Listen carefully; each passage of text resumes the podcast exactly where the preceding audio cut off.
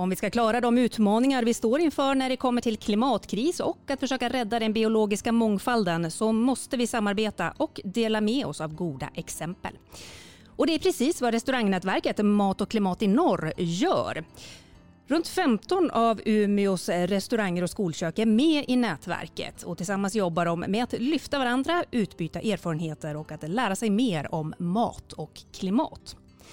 Jag heter Elin Leijonberg och det här avsnittet av Klimatekot spelar vi in på, på nätverkets sommaravslutning på restaurang Tonka Strandgatan i Umeå. Och dagens gäster det är Joakim Lundholm från Tonka, det är Karl Malmqvist från Lottas krog och det är Roger Marti från Umeå Folkets hus. Välkomna till Klimatekot. Tack, Tack så mycket. Ni har precis fått en liten dragning om nudging här innan vi sätter igång. Eh, alltså att försöka få folk att få en liten knuff i rätt riktning. Är det här någonting ni har jobbat med tidigare?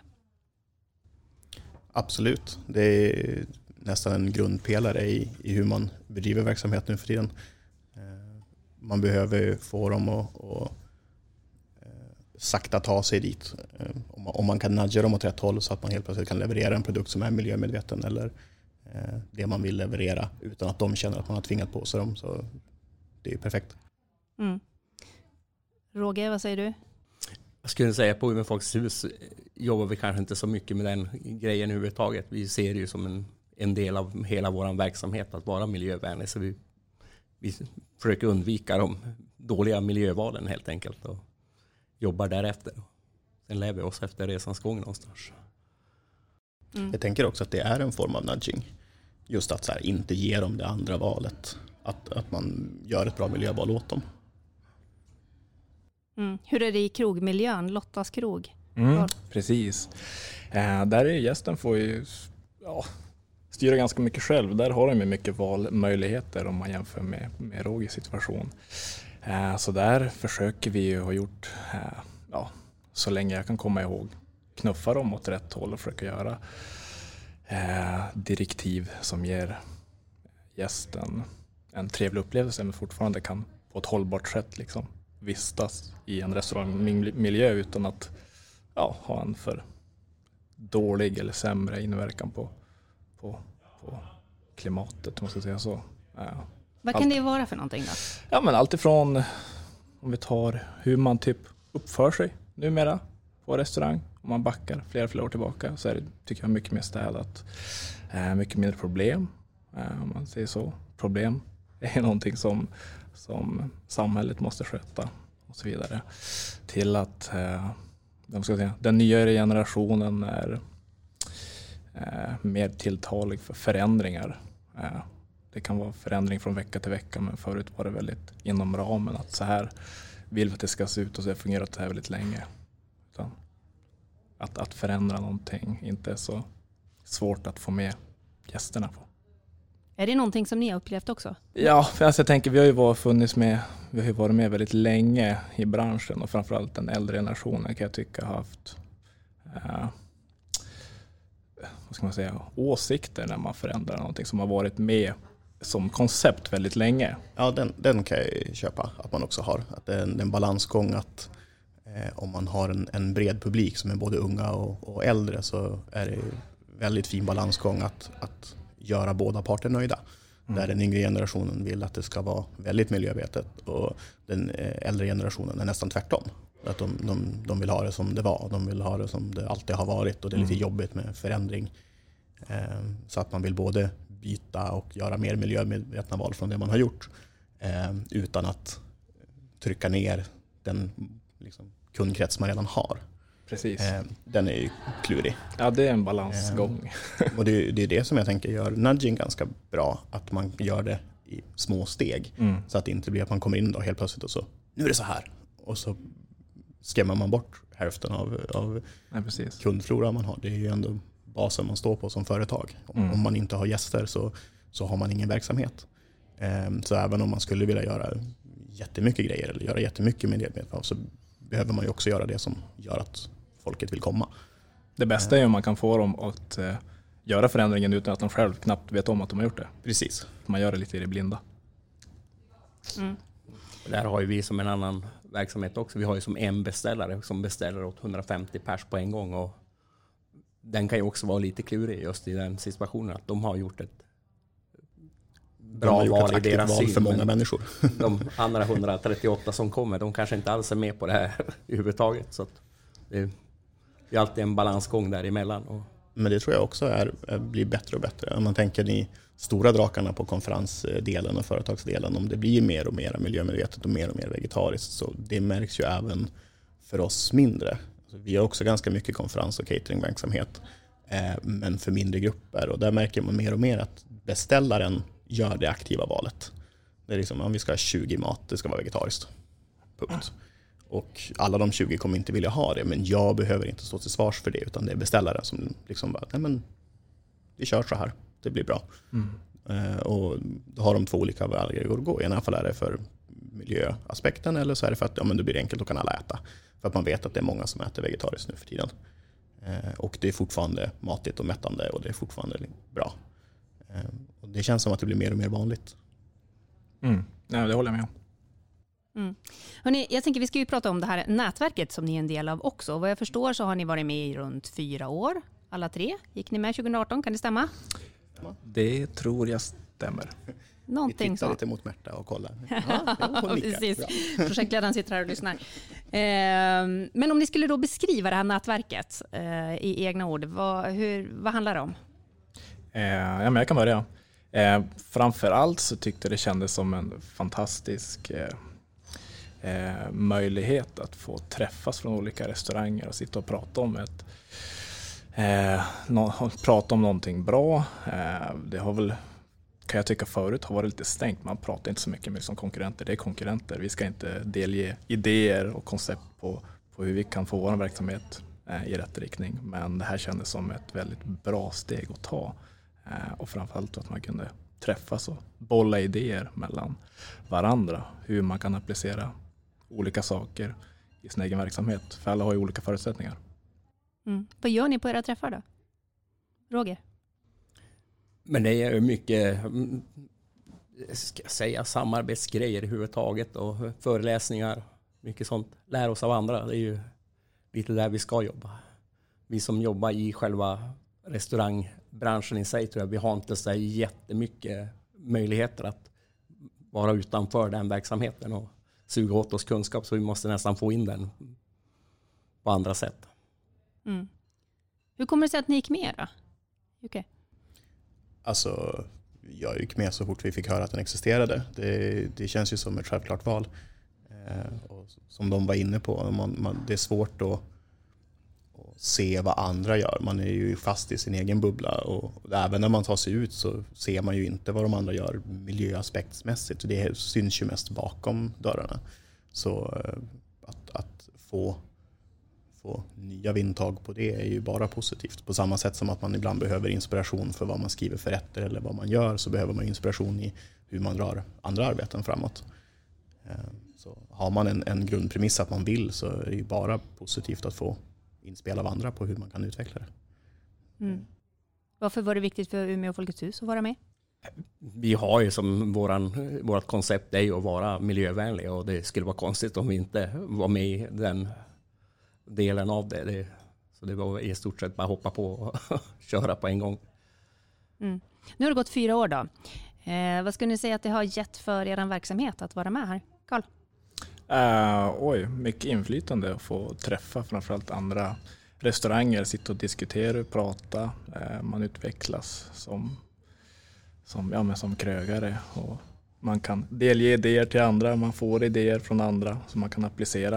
Uh, så framförallt ska vi säga de första två åren var ju väldigt händelserika och eh, det var ganska eh, positiv kurva liksom på, på alltihopa. Sen har vi varit i en tid där vi inte har kunnat träffats eh, helt enkelt. Och det här nätverket bygger på att vi ska träffas och, och prata och kommunicera. Så att, ja, men det har hjälpt mycket och framförallt öppnat dörrar att man kan våga ringa en annan i branschen och ställa liksom frågor. Funkar det här? Vad tror du på det här? Och så vidare. Det är så att ni ringer varandra och tipsar och frågar om råd och så här? Ja, det händer i alla fall för mig. att Jag kan ringa och fråga. Vad tror du? kan, har det här funkat? Har du testat det här eh, framförallt? Och så vidare. Ja. Vad skulle du säga att Tonka har fått ut av det då? Alltså, det, det bästa man får ut av det är egentligen drivet, att man eldar på sin eget engagemang. Jag menar, man är lite tävlingsinriktad och det är jättebra om man sitter i många grupper och pratar om vad man har gjort för då vill man ju själv prestera därefter. Ehm, så, det är bra att ha någonting som lyfter tankarna med jämna mellanrum så att det inte hinner flyta in i mängden utan att det hela tiden påminns eh, att så här jobbar andra, så här skulle man kunna göra eller så här skulle man kunna drivas. Det är nog det, det absolut bästa med nätverket, det är hela grundpremissen. Den där första kvarten när man bara går runt och snackar ungefär. Det, det är det bästa. Sen är det jättebra med alla föreläsningar och allmänt liksom, diskussionerna men, men just att få igång drivet. Det. Men har det skett några konkreta förändringar på restaurangen? Ja, men det skulle jag ändå säga att det har gjort. Eh, för min egen del är det svårt att, att eh, jag har så pass många unga som, som själva är så pass miljömedvetna och drivande i, i vad de vill göra så att jag själv kan inte ta cred för så mycket som händer här utan jag kan egentligen bara ge dem verktygen för att, för att göra det de vill göra. Eh, vilket är ganska skönt. Vi hade vår första cocktailmeny vi någonsin hade på det här stället som öppnade 2019.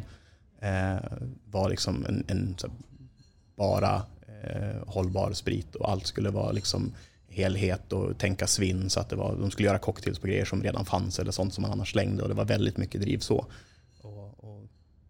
Det kommer ju bara. Det kommer ju av att man har den yngre generationen som jobbar. Eh, och så får man bara försöka väva in det på ett snyggt sätt i, i verksamheten.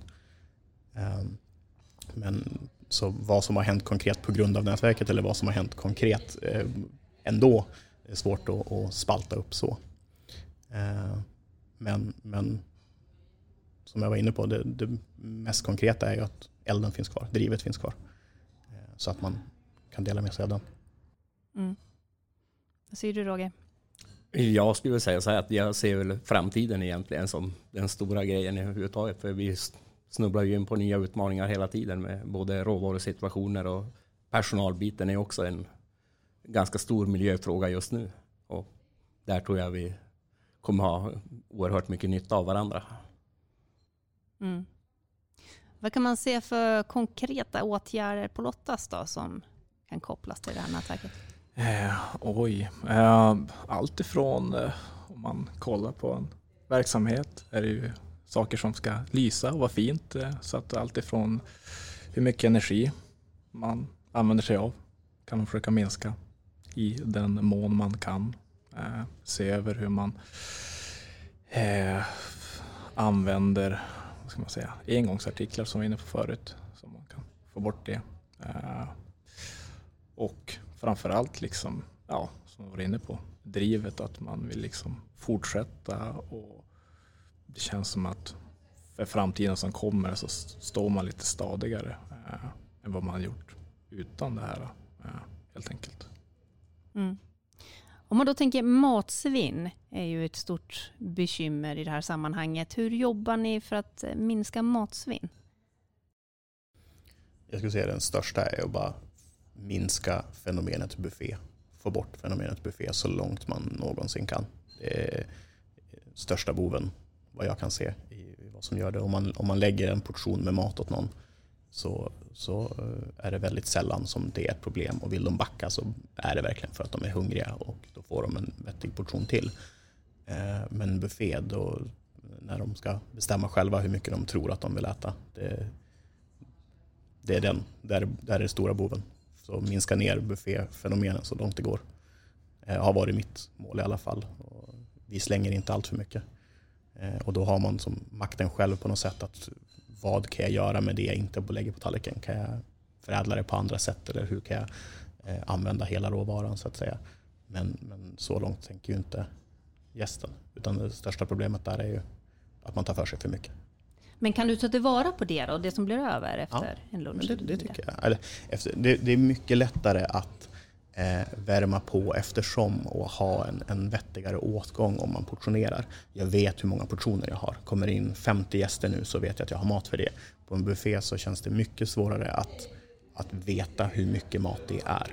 om det kommer in 50 personer så kan det vara två bläck med mat och det kan vara tio bläck med mat. Och den diffen måste man någonstans då ha för att kunna leverera till kund. Medan om, om jag portionerar det så blir det också mycket lättare att, eh, att värma på mer. Har, det tog slut nu men det gör ingenting. Gästen märker ingenting att det var slut i två minuter för att den sitter ändå och väntar på sin tallrik. Medan om det är slut på en buffé då helt plötsligt så känns ju det tomt och det liksom blir väldigt tydligt. Eh, på något sätt. Mm. Hur är det med konferensverksamhet? Är det lättare eller svårare att eh, minska matsvinnet där? Jag skulle säga att det är både och. Det, det är lättare att göra det men samtidigt det finns andra grejer som vi själv inte kan kontrollera. Och det är så, jag menar, en beställare kan göra en beställning på 130 pers men de är bara 110. Och då får man som hitta de alternativen och verkligen försöka hålla koll på de gästerna som är i huset. Vi har ju egentligen inget system för att som, kontrollera hur många de är. Och där är det ju våra stora utmaningar. Blir det mycket svinn eller? Nej, vi har blivit oerhört mycket, mycket bättre på det. Att vi, vi mer eller mindre utgår ifrån att det inte är fulltaligt. Och så får vi som sagt fixa till det ifall det skulle vara så att vi... Då får man lite mindre mat helt enkelt? Ja, jag nästintill i alla fall. Genom att vi jobbar ju också på fyra eller fem veckors basis på grejer. Så att egentligen så finns det på något sätt alltid grejer hemma. Men de är kanske inte tillagade alltid. Ja. så att, har ni mycket svinn på Lottas? Nej, eller man ska säga så här. Vi får ju mindre och mindre svinn. Uh, eh, där har ju vi, vad kan man säga, inga bufféer på så sätt utan vi serverar ju bara plateade tallrikar. Uh, eh, det, det första det är väl liksom när man köper in råvaran att kunna ta vara på så mycket som möjligt. Så att uh, det svinn som kommer blir från de gäster som inte rätter upp på tallriken. Eh, och där kan man ju alltid utvecklas. Vad är det som blir kvar? Vad är det som inte äts upp? Är det någonting som man kan styra på så sätt? Men eh, ja, jag tycker att folk eh, framförallt, jag vet inte, är duktigare på att äta upp maten än vad de var förut.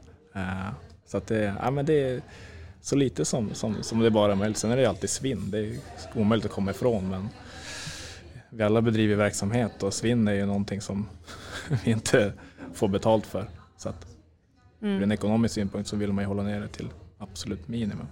Ja. ja, men om man tar det här med just ekonomi, när ni gör sådana här förändringar, försöker att inte använda engångsprodukter, försöker minska matsvinnet och så vidare. Hur pass mycket påverkar det ekonomin för era restauranger? Alltså det är olika beroende på vilken punkt det är. Vissa saker kan ju vara positiva för ekonomiska biten och vissa saker kostar lite. Eh, och så får man hitta någon form av balans i det. Att, ja, man, det finns man, ju många grejer som det känns som att det finns ett mervärde i att, att göra. Det kanske man inte tjänar mer pengar men å andra sidan kanske det kräver mindre av någonting annat som har liksom en sämre inverkan. Eh, så är det så. Men det är, det är svårt att bara säga exakt sådär. Mm. Vad är det som kostar mer då? Ja, men en av, eh, det jag kan komma på konkret som jag vet som, som är en ekonomisk fråga det är att vi, vi säljer inte burkvatten. Vi säljer inte Loka eller Ramlösa eller så utan vi har eh, tappar med, med bubbelvatten och eh, vanligt stilla eh, vatten. Eh, så om de vill köpa en Loka så säger vi bara att Nej, men det finns på tappar. Det står ute på buffén, det är bara att ta för sig. Eh, och skulle det vara så att de absolut måste ha citronsmak då får de en citronskiva. Eh, men, och det vet man ju är en konkret ekonomisk aspekt, att annars hade de betalat för en Loka. För det tycker folk är helt okej okay att betala för. Eh, men istället för den försäljningen så, så tar man miljöaspektsvägen och säger nej, vi ska inte ha någon, någon burkvatten. Vi har jättebra vatten i Umeå och vi kör på det. Och det är en konkret försäljningsförlust. Men en, ekonomi, en hållbarhetsfråga. Eh, det kostar ju, helt enkelt. Eh, men mm. det är ett steg. Och sen finns det ju andra steg som kan generera Eh, pengar istället. Att man väljer mera miljö eller energieffektiva grejer så att man har mindre elräkning eller att man väljer att jobba matsvinn och försöka återanvända så mycket som möjligt av produkterna. Det är ju någonting som kan generera pengar istället. Så att det är lite give and take. Mm. Du ska få komma lite närmare mikrofonen här. Mm. Vi har gäster som sitter här i bakgrunden och pratar. Så det, ni får komma nära mickarna så, att, eh, så vi hör vad ni säger. Men det är ju samma sak där också med typ krav och eko. Det är ju en dyrare produkt. Men som i vårat fall, jag menar, vi serverar ju mindre kött och vi serverar mer grönsaker. Så det jämnar ju som någonstans ut sig i alla fall. Det är som själva konceptet vi bygger på. Men... Köttet kan kosta lite mer men man använder lite mindre av det. Och så mm. går det igenom. Jobbar ni generellt mer vegetariskt nu än för fyra år sedan? Ah, fyra år sedan vet du. Men vi säger för, vi backar tio år, i alla fall i, i krogvärlden liksom, så, så är det väldigt stor skillnad. Det är säkert eh, ja, från att för tio år sedan ha en, två rätter nästan bara för att man kände sig tvungen att ha så kan man ha betydligt många fler eh, och eh Eh, som säljer betydligt bättre. Eh, och framförallt att jag vet inte, utvecklingen har lett till att det finns, man har kommit på bättre sätt att, att, att leverera eh, produkter som är mer tilltalande. Framförallt, jag vet inte, krog är ju lite, pubvärlden är lite efter om man säger så. Där är ju många då, av den äldre generationen som är väldigt fyrkantig och liksom, jag vill ha kött, det här. men tiden går och det går liksom att mjuka av de kanterna också och applicera en annan form av protein till exempel. Mm. Jag vet att eh, du berättade här tidigare Joakim om eh, hur ni jobbar för att eh, lite så här nudga folk och lura folk, man ska säga, att välja mer vegetariskt och veganskt. Berätta. Eh, ja, vi pratade om vår eh, dagens uppe på bistron. Eh, vi jobbar så att vi har en dagens och det är våran soppa och den är alltid vegetarisk. Ehm, och så sen våra andra rätter eh, är inte dagens utan de är veckans. Så att man inte behöver köpa hem ett protein dag för dag utan att man kan jobba lite mer långsiktigt. Och, och, eh, så slipper man som sagt värma på allting på samma dag och så kan man jobba så. Eh, men det gör också att de som är vana att ta en dagens, de tar en dagens och den blir som automatiskt vegetarisk. Eh, och då funkar den så att man väljer till lite pinchos, så små mackor.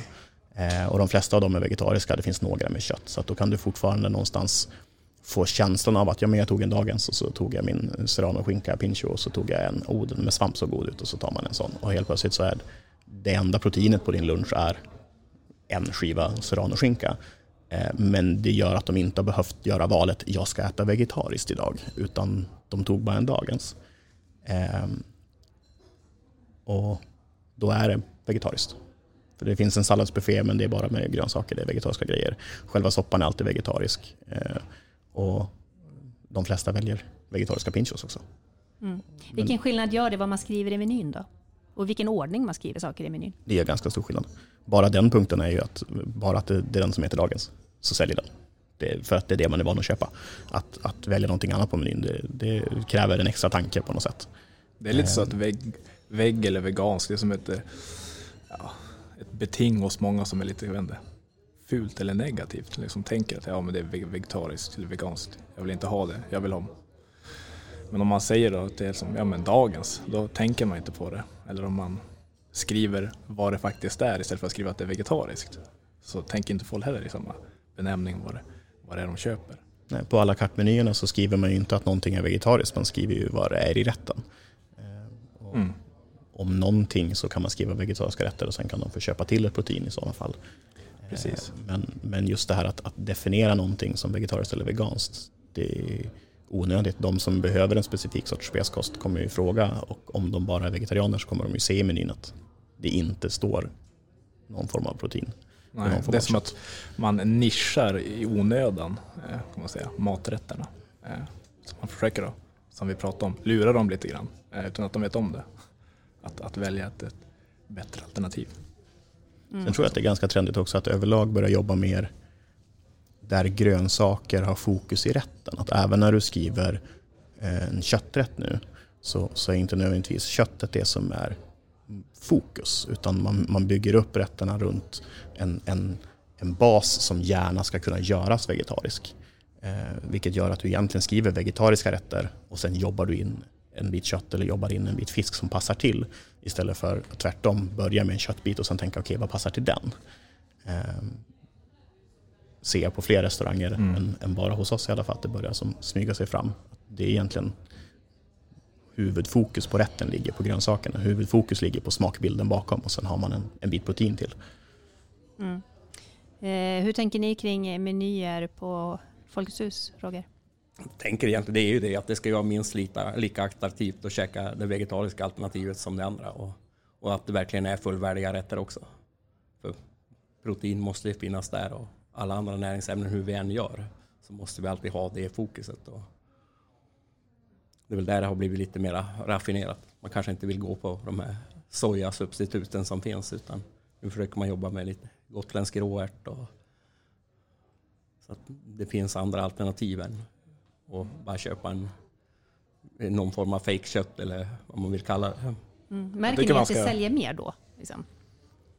Jag tycker om man tar bort, alltså säger att det är ett alternativ, för det är också lite så här, jag vet inte, det är ett år, dåligt ord att använda, det är ett alternativ, det är bara att skriva istället. Att det, alltså presentera maträtten för vad det är.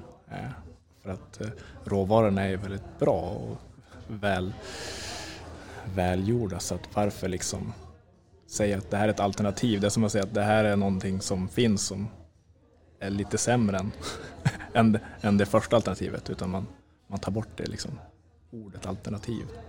För det för mig känns liksom att ja, men vi har den här rätten, eh, men eh, du kan få det här också. Vi kan lösa det eh, för dig. Håller med, men det är där också som man kan vända på det, att, att alternativet är köttalternativet. Mm. Att, att liksom, det, det, normen, standarden är en, en bra vegetarisk rätt. Och eh, det känns väldigt, väldigt trendigt att försöka få bort de här eh, prefab eh, liksom köttsubstituten och jobba mer med grönsaker. Och, och jobba mer runt liksom grundråvarorna. det försöka... måste vara mycket roligare också. Vanligt mycket roligare. Verkligen. Men jag tänker på det här samarbetet som ni har nu då. Just det, nätverket. Det finns en rad olika nätverk inom hållbarhet i Umeå och det här nätverket lyfts oftast fram som väldigt lyckat och att ni har ett väldigt bra samarbete. Skulle ni hålla med om det? Ja, ja det, det tycker jag. Och som sagt jag ser framtiden ännu mera. Alltså med tanken vart, vart, vart riktningen tyder att vi ska så som sagt känns det väldigt bra att man, man har redan nu upptagit ett etablerat samarbete. Eh, för att om det är fler som kan vara på i samma grupp så kan man liksom sätta tydligare krav. Alltifrån eh, till eh, producenter och så vidare. Eh, och liksom styra i en större gemenskap eh, än om man liksom är själv och försöker liksom trycka på. Mm. Vad är det som gör då, tror ni, att eh, ni har lyckats så bra inom nätverket? Som att samarbetet flyter på och funkar? Vi är norrlänningar. på vilket sätt spelar det roll? ja, vi är lätt. Äh, vi, vi har inga fasader. Nej, jag vet inte. Nej, men jag vet inte varför det har funkat så bra. Vi, är, vi har framförallt tyckt det var kul att träffas eh, för att det här är inte någonting man har varit om tidigare, att man träffas från olika restauranger eh, och pratar och diskuterar. Eh, det har varit lite, lite stängda dörrar som det var bakåt i tiden så att framförallt det är väl den stora. Och att initiativet då från, från kommunen liksom har kommit framåt. Mm. Vi vill det här, vill ni haka på? Absolut. Ja, för det verkar inte som att det är så otroligt mycket prestige i det här. Som att det är mycket prestige i det? Nej, som att det inte är mycket prestige. Ni är ändå Nej. egentligen konkurrenter, men, men det känns som att det är ganska prestigelöst i hur ni delar med er inom nätverket. Ja, men det tycker jag. Men det känns ju också som att vi, vi är konkurrenter på marknaden, men vi är inte konkurrenter på det är inte negativt för mig om andra också jobbar miljömedvetet. Det är ju positivt om, om det är mer normen. Om du ska stå och sticka ut och vara annorlunda och konstig, det är ju inte någonting positivt. Utan du vill ju vara, om alla driver åt samma håll i den här frågan framförallt, är ju bara bra för en själv också. Det finns ju ingen... Jag tror inte att det är någon som ser någon, någon funktion i, i varför det skulle vara dåligt. Nej, precis. Utan det, det är ju verkligen om, om, om, om jag försöker ha mer grönsaker på menyn och vi försöker göra det här, vi försöker dra det här framåt. Om alla andra i hela stan också gör det. Det, det är ju lysande. Det är så man tar sig framåt. Mm. Ja. Nej, men jag håller med. Och alla har ju liksom, ja, olika koncept och, och lite olika förutsättningar. Men man försöker liksom så gott det går applicera så mycket man kan ja, i sin egen verksamhet. Och, ja, man är, man är starkare tillsammans, säga. Ja, man, så är, man är ju det. Speciellt i sådana här frågor som ändå kanske behöver dras lite i. Om man är Ja. många så blir det ju betydligt bättre. Och det är ju bra för, jag menar, som sagt om man, om man vill göra grejer men kanske, menar, vi har inte funnits så himla länge och så kan man sitta i ett, i ett nätverk med de som har varit med i många år eh, och, och även kanske vet hur det var bakåt och vad man behövde dra i då så, så lär man sig av det. Det är, Mm. finns bara positiva aspekter med det. Mm. Vad tror ni att andra branscher kan lära sig av ert nätverk? Då? Men jag tror framförallt det är att liksom våga, våga prata med varandra. Att, att inte liksom ha den här stängda... Jag, jag tror ändå att vi kanske har det lite som förut också. Att man, man kan, många känner varandra. Det är lite, alla känner alla inom den här branschen och man Mm. kan bolla eh, kreativa idéer och man kan bolla grejer. Och man har jobbat tillsammans med många andra människor på branschen. Så att, så att det finns ett naturligt snack på något sätt. Eh, och jag vet inte hur det är i någon annan bransch än den här branschen, så det kan jag inte svara för. Men, men det är ju vad jag tänker att, att de i sådana fall skulle sakna. Att våga prata med varandra utan att tänka att de kommer ta våra företags hemligheter, utan att liksom bara våga vara öppen. Gör du en bra produkt så kommer den fortfarande ha efterfrågan. Om den enda anledningen till att din produkt säljer är för att ingen annan vet hur du gör, då kanske du behöver någonting mer. Mm. Vad säger du Roger, tror du att det finns någonting att lära? Det gör det säkert. Och, men som sagt var, eh, just den där öppna kulturen tror jag har väl egentligen funnits bland själva personalen, kanske inte mellan företagen, men har nog kanske varit just där. Så det är ju en rörlig bransch där kockar går mellan varandra, så det finns ju egentligen inga hemligheter heller. Mm. Men eh, vad blir nästa steg då eh, i det här samarbetet? Hur ska ni liksom ta det här vidare? Vad, vad behöver ni mer? Alltså nu känns det ju som att man bara väntar efter att få ha fysiska träffar igen, så man kan sitta och nätverka. i. Eh, Det känns som att vi har, varit på paus en, en längre period så att eh, det är lite, även om det här är en avslutning så är det nästan uppstart liksom vad som komma skall framöver. Eh, och ja, ser man liksom med alla problem som finns runt omkring så, så känns ju det här väldigt viktigt. Liksom för, I alla fall för mig. Att, att fortsätta med och försöka sprida ut till, till andra så gott det går. Eh, Just det. Behovet av att nätverka kvarstår. Hörrni, tiden den går fort. Eh, jätteintressant samtal och tusen tack för att jag fick komma hit under er sommaravslutning och prata med er. Eh, det här var också det sista avsnittet av Klimatekot innan sommaren. Men tillhör du någon av alla våra nya lyssnare så har du en hel sommar på dig att lyssna i kapp innan vi kör igång igen i höst. Då blir det ännu mera mat för då ska vi prata om School Food for Change, ett helt nytt projekt för att hålla för hållbar mat på skolorna. Men vi ska såklart prata om mycket annat också. Eh, samarbetet fortsätter med energi och klimatrådgivningen i Umeå och det finns en hel del spännande att vänta. Njut nu av sommaren, var rädd om er och så hörs vi till hösten.